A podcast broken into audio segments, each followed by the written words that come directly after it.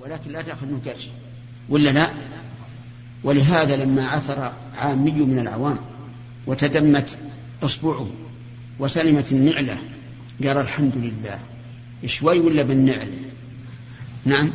لأن المال عنده أغلى من البدن. البدن يمشي ويطيب لكن ما مشكلة على كل حال ما دام في هذا مصلحة وحماية للمحظورات وتهييب للعوام فإنه يسوغ القول به. وإذا أحب الإنسان أن يحتاط لنفسه أن يحتاط لنفسه وأن لا يقول على الله ما لم يرى أن أنه من شريعته فليقل إيش؟ قال العلماء عليك كذا وكذا. قال العلماء عليك كذا وكذا. وأرجو أنه بهذه العبارة يسلم من التبعة لأنه عزاه إلى غيره من أجل هذه المصلحة العظيمة. وهكذا يقال في ترك الواجب من واجبات الحج والعمرة. الفقهاء يرون أنه يجب عليه دم ولا في التخيير. ما في تخيير فإن لم يجد صام عشرة أيام. ونحن نقول لا دليل على هذا. ثم لا دليل على أنه إذا لم يجد فعليه صام عشرة أيام. غاية ما في ذلك حديث ابن عباس من نس شيء من نسكه أو تركه فليهرق دما. فليهرق دما. زعم بعض العلماء أن مثل هذا القول عن ابن عباس لا مجال للاجتهاد فيه وعندي أن فيه نظرا وأنه للمجال للاجتهاد فيه مجال. وهو أن ابن عباس رضي الله عنهما رأى أن حلق الرأس الذي فيه إسقاط واجب فيه إيش؟ فدية لكن على التخيير. فيقول إذا ترك الواجب كفعل المحظور الذي يكون فيه إسقاط الواجب. فيجب فيه دم. فللرأي فيه مجال ومع ذلك ابن عباس رضي الله عنهما يقول شيئا من نسكه شيئا نكر في سياق الشرط. ولو أخذنا بعمومها لقلنا على الإنسان دم إذا ترك الإشارة إلى الحجر وإذا ترك الهرولة. نعم. الرمل يعني. الرمل وإذا ترك الاطباع وما أشبه ذلك. ولا أحد ولا علمت أحد يقول بهذا إن عليه دم. لكن كما قلنا لكم كل شيء يكون به حماية الشعائر ولم يخالف الإجماع بل, بل وافق الأكثر فإنه ينبغي إيش؟ الأخذ به أو على الأقل الإفتاء به. وهذه من السياسة في تربية العالم. للأمة. مر علي أن أحد التابعين آه، سأله ابنه عن مسألة من المسائل نسيتها لأني بطيء العهد بها فأفتاه فكأن الابن تصاعد هذا فقال إن لم تفعل وإلا أفتيتك بقول فلان. أشد من هذا من هذا القول. شوف كيف تربية. مع أن مع أنه إنما أفتاه بالقول الأول يعتقد أنه صواب. لكن أراد أن يلزم ابنه بالقول الثاني الذي أشد إذا لم يقتنع وربما يكون لهذا شاهد من فعل أمير المؤمنين عمر رضي الله عنه. الرجل إذا طلق زوجته ثلاثا فقال أنت طالق ثلاثا أو أنت طالق أنت طالق أنت طالق. في عهد النبي صلى الله عليه وسلم وعهد أبي بكر وسنتين من خلافة عمر. فله أن يراجع. حق شرعي له أن يراجع لأنها لا تبين زوجته بهذا. فلما كثر الطلاق الثلاث في عهد عمر قال أرى الناس قد تتايعوا في أمر كانت لهم فيه أنات فلو أمضيناه عليهم. شف أمضاه عليهم منع الرجل من حق ثابت له بالسنة النبوية والسنة البكرية والسنة العمرية أولا. منعه من هذا الحق الثابت له. علشان إيش؟ من أجل أن لا يتجرأ الناس على الطلاق الثلاث.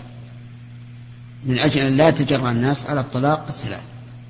فهذه مسائل ينبغي للعالم والمفتي أن ينتبه لها. والحمد لله.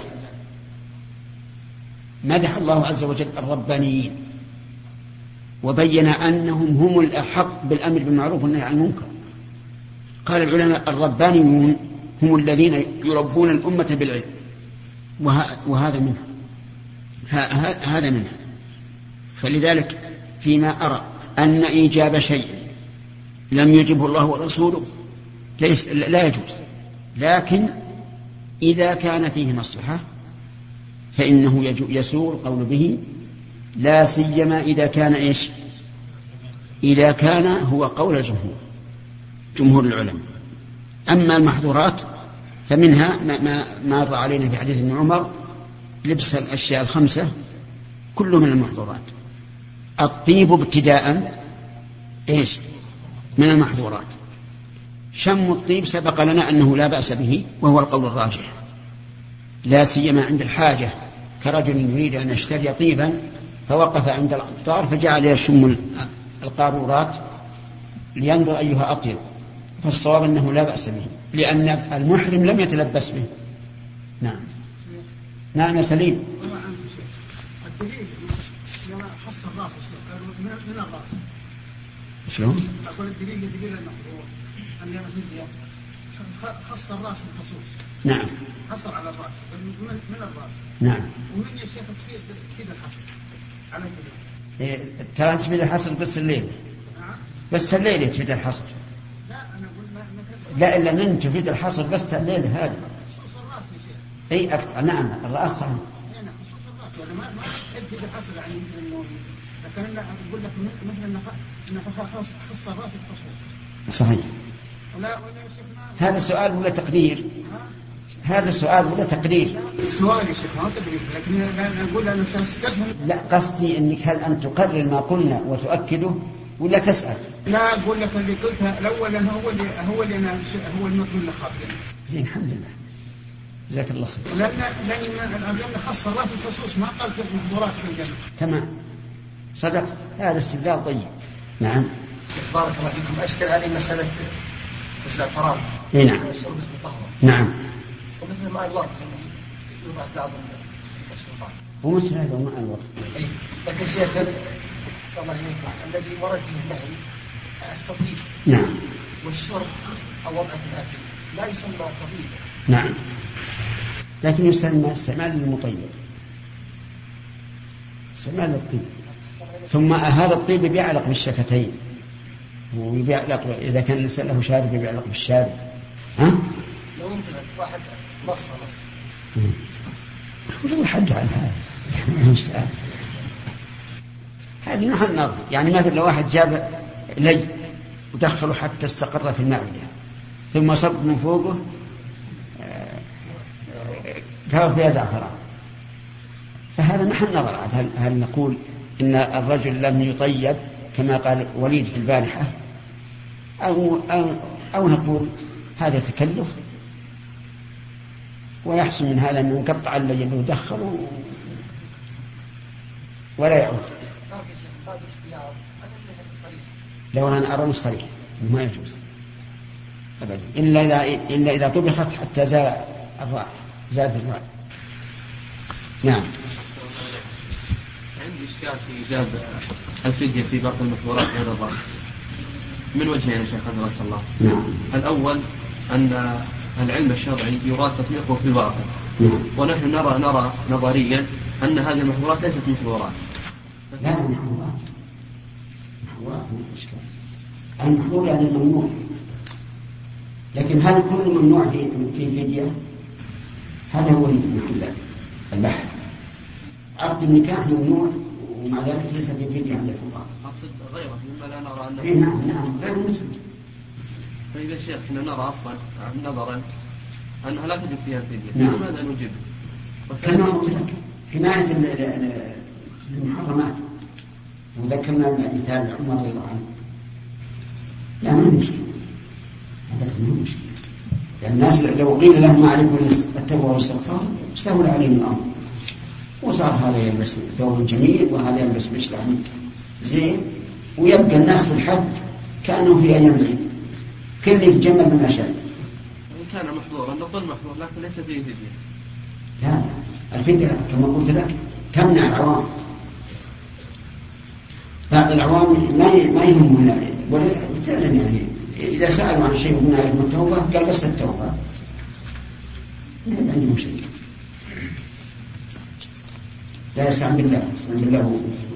قال العلم عليك كذا وكذا وثلاث أصواع من الباطل نعم يحيى ثلاثة ترى لا بد الدرس الآن يلا يحيى ترك الواجب يا شيخ هل هو أشد من ارتكاب المحظوظ؟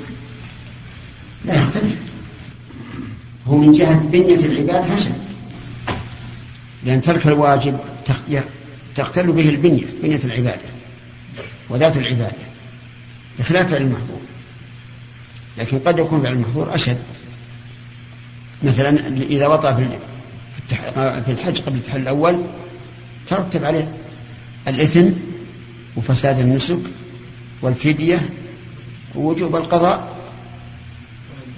نعم. والمضي فيه. لكن لو ترك الواجب قلنا عليك الدم وبس. إذا ترك إذا ارتكب محظورا نسيانا أو مكرها ليس عليه شيء. هذه طيب. لأن لأن واجبات من مركبات العبادة من هيئة العبادة. بعض الأعوام مساكين يظنون أن الإنسان مخير بين فعل الواجب وبين الفدية بين فعل الواجب و و و بين ترك الواجب أو فعل الواجب والفدية يظنونه بالخيار وهذا غلط مو بالخيار. بل الواجب فعل الواجب لكن لو فات الإنسان بدون تعمد فعليه الفدية على رأي الجمهور. يقول بعض واحد وافق شخص في الدوادي آخر نهار العيد. حال من بلد من بلد قريب من السعودية. قالوا والله يعزيه الله يغلف عليك أنت إن شاء الله على نيتك. فاتك الحج. قال لا يا أبا أنا حجيت. أو. قال لا أنا حجيت. أنا حجيت. كيف حجيت؟ قال نعم. الحج عرفة وقفت بعرفة الحج عرفة وقف عرفة. طيب باقي عليه. قال باقي كله وصيت صاحبي يذبح عن كل واجب في شاة. يظن إنها مخير. هذا الرجل وقف بعرفة ثم طاف طواف الإفاضة وسعى بمعيد ومشى. يا رجل قال لنا عن نسائنا شهر الآن. لنا عن النساء شهر. مساكين. أي نعم. آه، بالنسبة لفعل المحظورات نقول فاعل المحظور ينقسم أيضا إلى ثلاثة أقسام. الأول أن يفعله متعمدا بلا عذر. بلا عذر. ولا حاجة. فهذا عليه ما سمعتم. الثاني أن يفعله متعمدا لحاجة إليه. لحاجة إليه. فهذا لا إثم عليه لكن عليه الفدية.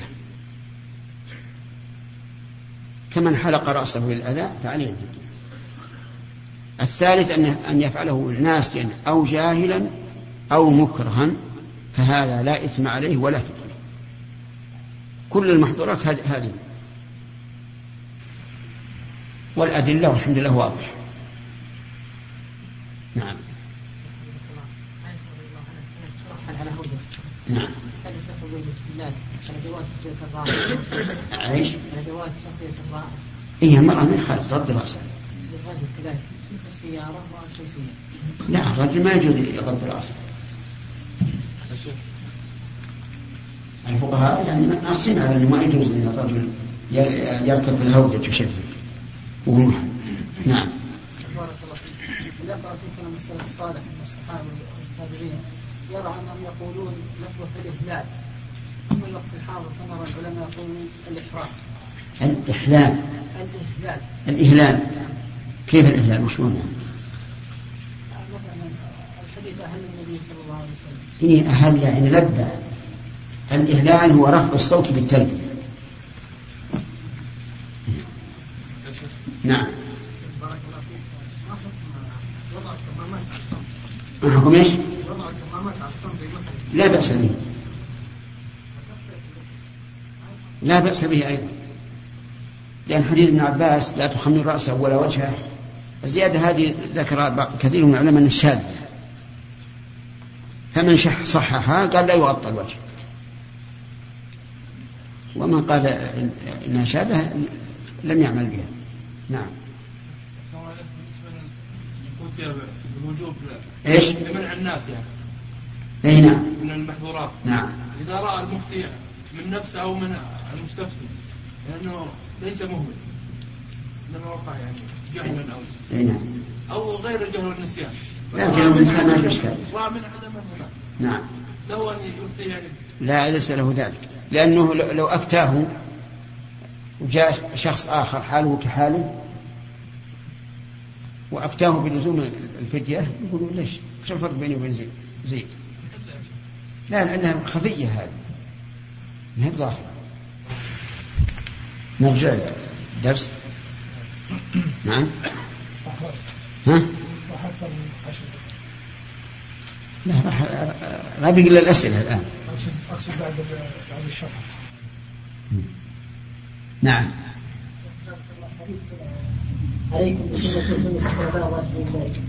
بعض العلماء يقول آه، الخلفاء هذه عامة. لماذا تقولون السنة المجتمعة هي سنة جميع الخلفاء؟ تحملونها على الحديث الذي هو العلم.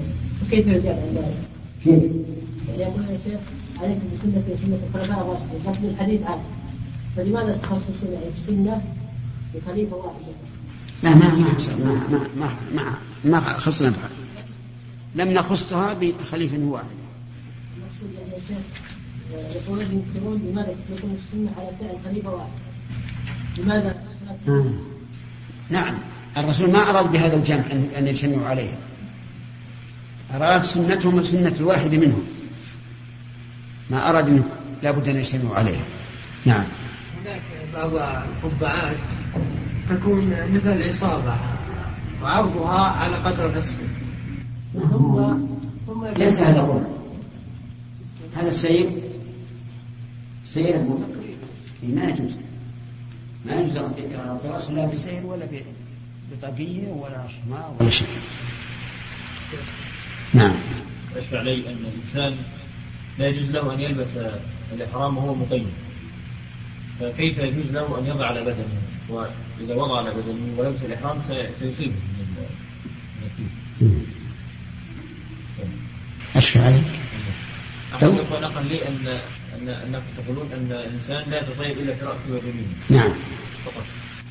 ما دامت السنة جاءت في الفرق فيكفي السنة جاءت في الفرق بين تطيب البدن وتطيب ال- الثياب.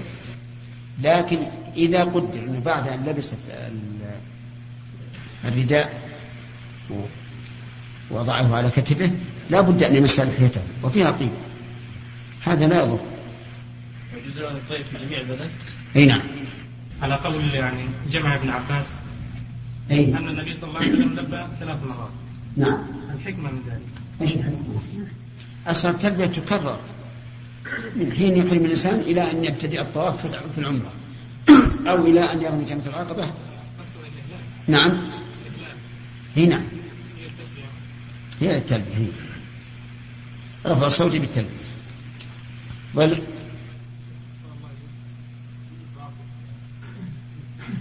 الحجاج في الخيام إذا كان العدد كبير البعض ما يستطيع أن ينام في الإضاءة فيغطي وجهه ورأسه لا يغطي الوجه لا بأس.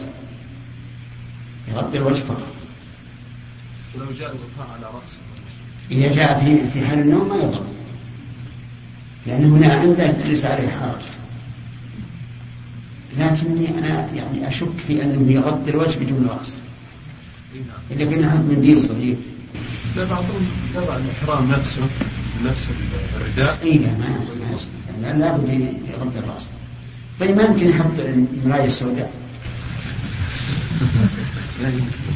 ما يمكن؟ في قماشات مثل ذلك مثل ريال نعم. طيب. لأنه في ظني أنه لو غطى وجهه بغير منديل يمكن يغطي راسه وفي المنديل أيضا ما تصلح المنديل المنديل أي حركة لكن واعي ما متحرك. خلنا تروح ما يهم نعم. هذا يحتاج إلى تغطيه الرأس. مدة طويلة. وغطى فماذا إذا قلنا بالقول الذي ليس في فدية ما في هو جائز أن أن يغطي رأسه ولا فدية عليه على ما ذكرنا لكن المفتى به أن عليه فدية فدية أذى. ها؟ أي واحد واحد واحد ما دام إنه يريد أن يفتي لهذا لهذه العله أما لو برئ وقد فدى ثم احتاج مرة ثانية فعليه فدية ثانية. وإن لم يفتي عن الأولى كفاه فدية واحدة عن الثنتين لأن الموجب واحد. نعم. شيخ الله إذا فعل محظور إذا فعل محظورين ولم يكفي في الأول هل يكفيه؟ إذا كان من جنس الواحد كفاه فدية واحدة. وإن اختلفا كالجماع مثلا والطيب فلكل فديته. نعم يا سليم. والله عنك شيخ عند الحاجة تغلق الرأس عند الحاجة ما من ما من الوجع ما من مرض الرأس. ولا برد ولا مطر ولا شيء. شيء متى يجب على الإنسان الحاجة تنقضى الحاجة تختلف. يعني إما برد أو وجع أو شمس. المهم ما تحتاج يغطي رأسه ما تحتاج يغطي رأسه حاجة حاجة تختلف. لا لا الحاجة غير ضرورية. الحاجة غير ضرورية. نريد حاجة غير ضرورية. نعم. يعني من أصابه طيب في يده من الكعبة أثناء الطواف. نعم. المأمور بالخروج ويغسل يديه ثلاث مرات. لا. أحسن شيء نقول له امسح الطيب كسوة الكعبة. يعني نعم. لا بس هذا عن عن عمد عن عمد وربما تختلف اغتياب بعضها بعضها يكفيه المسح وبعضها لا بد أن يوصل. تختلف. نعم. طبعا إذا كان الشخص في حال النوم غض رأسه. إذا؟ إذا كان الشخص في حال النوم غض رأسه. نعم. هل يخلى حاله اما شالحة عنه؟ يعني شلون؟ شلون عنه؟ لأن هذا من باب التعاون على على البر والتقوى مثل ما رأيت صائم بياكل ويشرب ناسيا ذكره نعم يا جماعة الشيخ أحسن الله إليك أنت بين الوعاظ يقولون عندنا بين بين الواعظين يقولون إذا حج الإنسان بمال حرام حين يقول لبيك اللهم لبيك يناديه منادي أن لا لبيك ولا عليك وحجك هذا مردود عليك. في حديث لكنه ضعيف. هكذا شيء أي نعم لكنه ضعيف. والصواب أن الحج صحيح مع الإثم. نعم. طيب ذكرنا أنه إذا احتاج إلى إلى فعل المحظور فعله وعليه. عليه الفدية؟ واستدلنا بالقرآن في قصة في قصة حلق الرأس. لكن لو احتاج إلى إلى أكل وبين يديه غزال هل يجوز أن يذبح الغزال لينقذ حياته أو لا يجوز؟ نعم يجوز. لأن الإنسان إذا اضطر إلى محرم جاز له. طيب إذا جاز هل عليه جزاؤها أو لا؟ من العلماء من يقول عليه جزاء لأنه إنما صادها لنفسه. فعليه الجزاء. ومنهم من يقول لا جزاء عليه لأن الله أحلها فصارت الآن لا حرمة لها. وهذا أقرب إلى الصواب والأول أحوط طيب آه اجتمع عنده أرنب حية وأرنب ميتة وهو محرم. فماذا يصير؟ هل يأكل ميتة ولا يأكل الحية؟ نعم. حية أي نعم. الصحيح أنه يأكل الحية وبعض العلماء يقول يأكل ميتة خصوصا عند من يرى أنه إذا أكل الحية وجبت عليه الفدية أو وجب عليه الجزاء. ولكن الصحيح أنه يأكل الحية طيب اجتمع عنده أرنب حية. وأرنب ميتة. وهرة حية. أيهن؟ آه. الأرنب الحي صح. بارك الله فيك سم بالله بسم الله الرحمن الرحيم. الحمد لله رب العالمين. صلى الله وسلم وبارك على عبده ورسوله نبينا محمد وعلى آله وأصحابه أجمعين. قال الإمام البخاري رحمه الله تعالى في صحيحه في كتاب الحج باب الركوب والارتداف في الحج. حدثنا عبد الله بن محمد قال حدثنا وهب بن جرير قال حدثنا أبي عن يونس الايلي عن الزهري عن عبيد الله بن ابن عبد الله عن ابن عباس رضي الله عنهما أن أسامة رضي الله عنه كان ردف النبي صلى الله عليه وسلم من عرفة إلى المزدلفة ثم أردف الفضل من المزدلفة إلى منى. قال فكلاهما قال لم يزل النبي صلى الله عليه وسلم يلبي حتى رمى جمرة العقبة. قال المؤلف رحمه الله باب الركوب باب الركوب والارتداء في الحج. كأنه والله أعلم يميل إلى أن المشي أفضل. الحج ماشيا أفضل والمسألة فيها خلاف بين العلماء. هل الأفضل أن يحج راكبا أو الأفضل أن يحج ماشيا؟ وهذا الخلاف في زمنهم رحمهم الله. الذي يركب الإنسان فيه براحة وينزل براحة وكذلك في المشي لكن في وقتنا الحاضر أيما أصعب المشي أو الركوب؟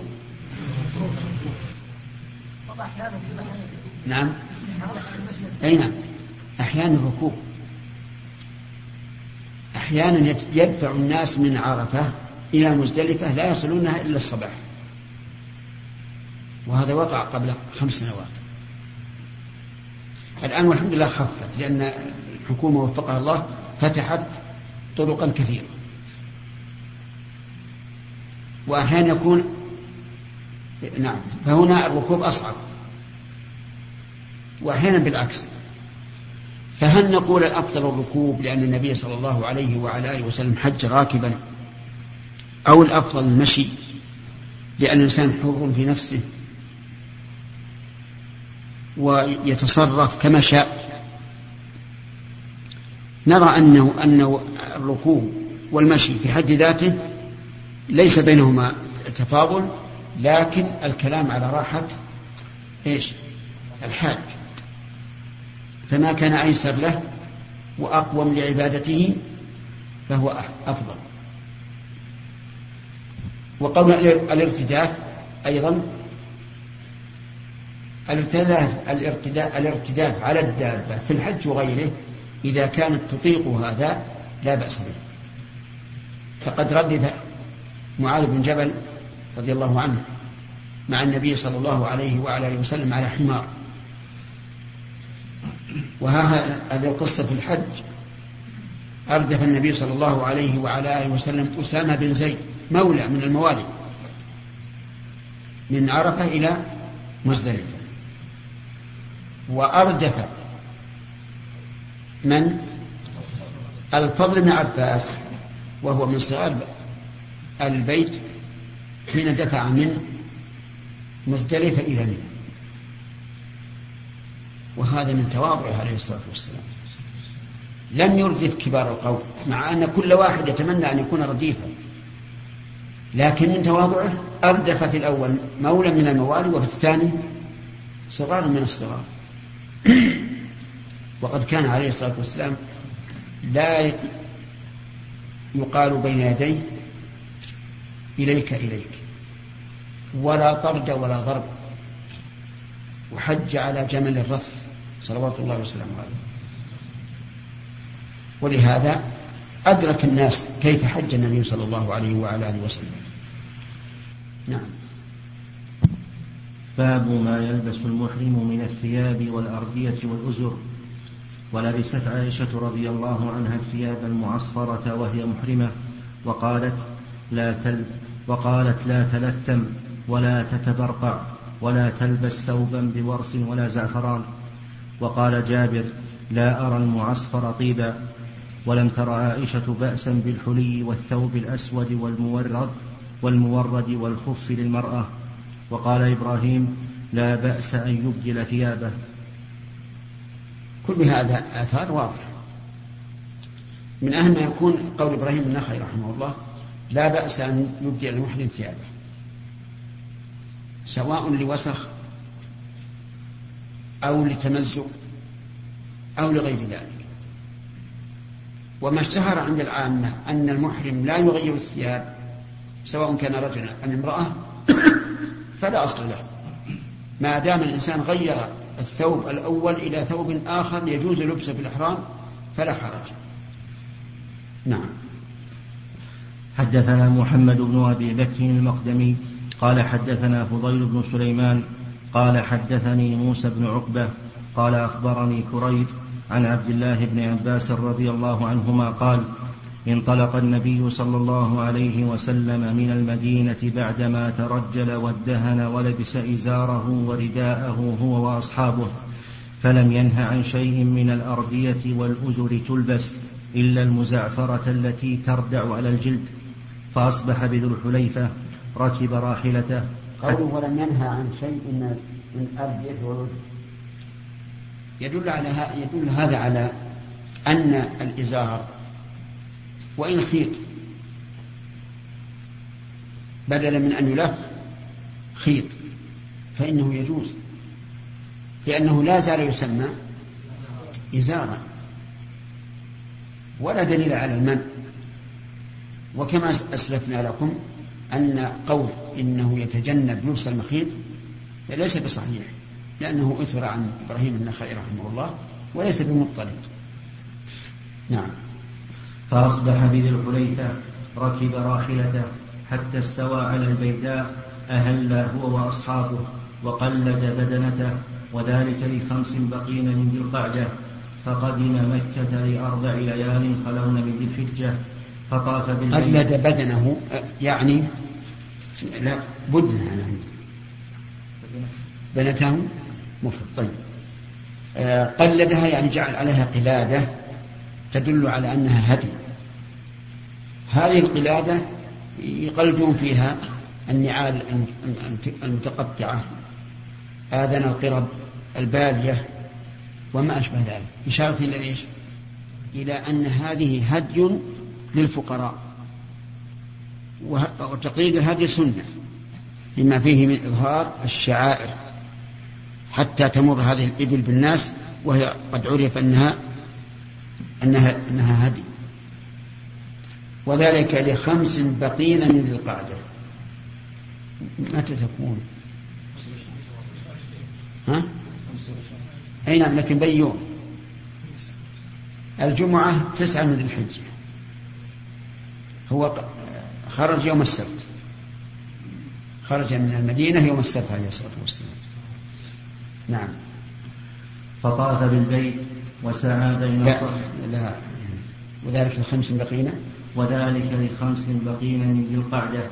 فقدم مكة لأربع ليال خلون من ذي الحجة. في القعدة الأفصح الفتح. والحجة الأفصح الكسر. ويجوز كسرهما وفتحهما ولكن الكلام على الأفصح. يعني متى رابع من الحجة؟ نعم.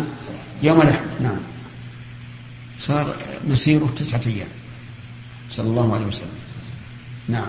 فطاف بالبيت وسعى بين الصفا والمروة ولم يحل من أجل بدنه لأنه قلدها ثم نزل بأعلى مكة عند الحجون وهو مهل بالحج ولم يقرب الكعبة بعد طوافه بها حتى رجع من عرفة. طيب عند الحجون معروف الآن.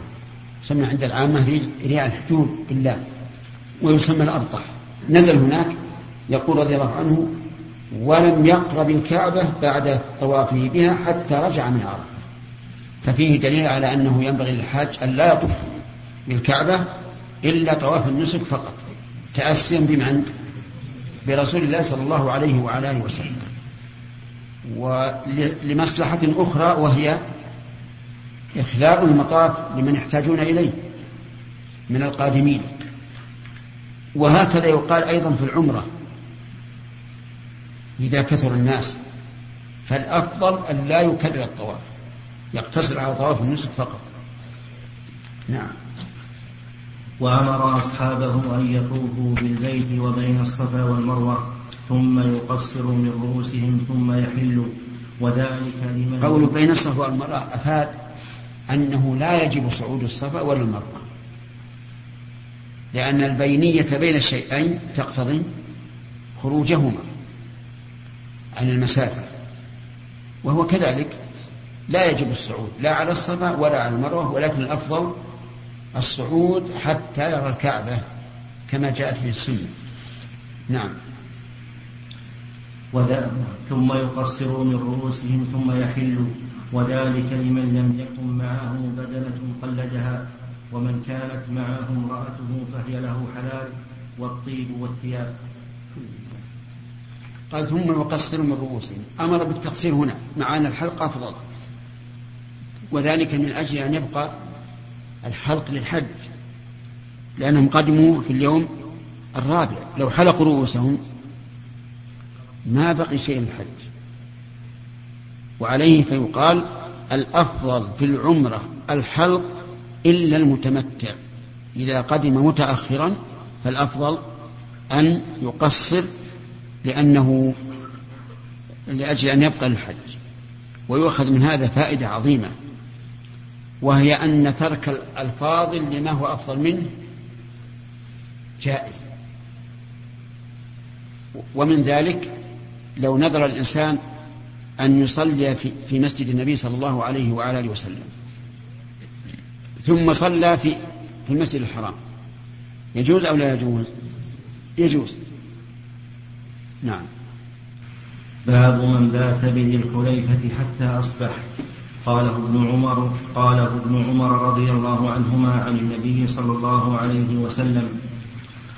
حدثني عبد الله بن محمد قال حدثنا هشام بن يوسف قال أخبرنا ابن جريج قال حدثنا محمد بن المنكدر عن أنس بن مالك رضي الله عنه قال صلى النبي صلى الله عليه وسلم بالمدينة أربعا وبذي الحليفة ركعتين ثم بات حتى أصبح بذي الحليفة فلما ركب راحلته واستوت به أهل.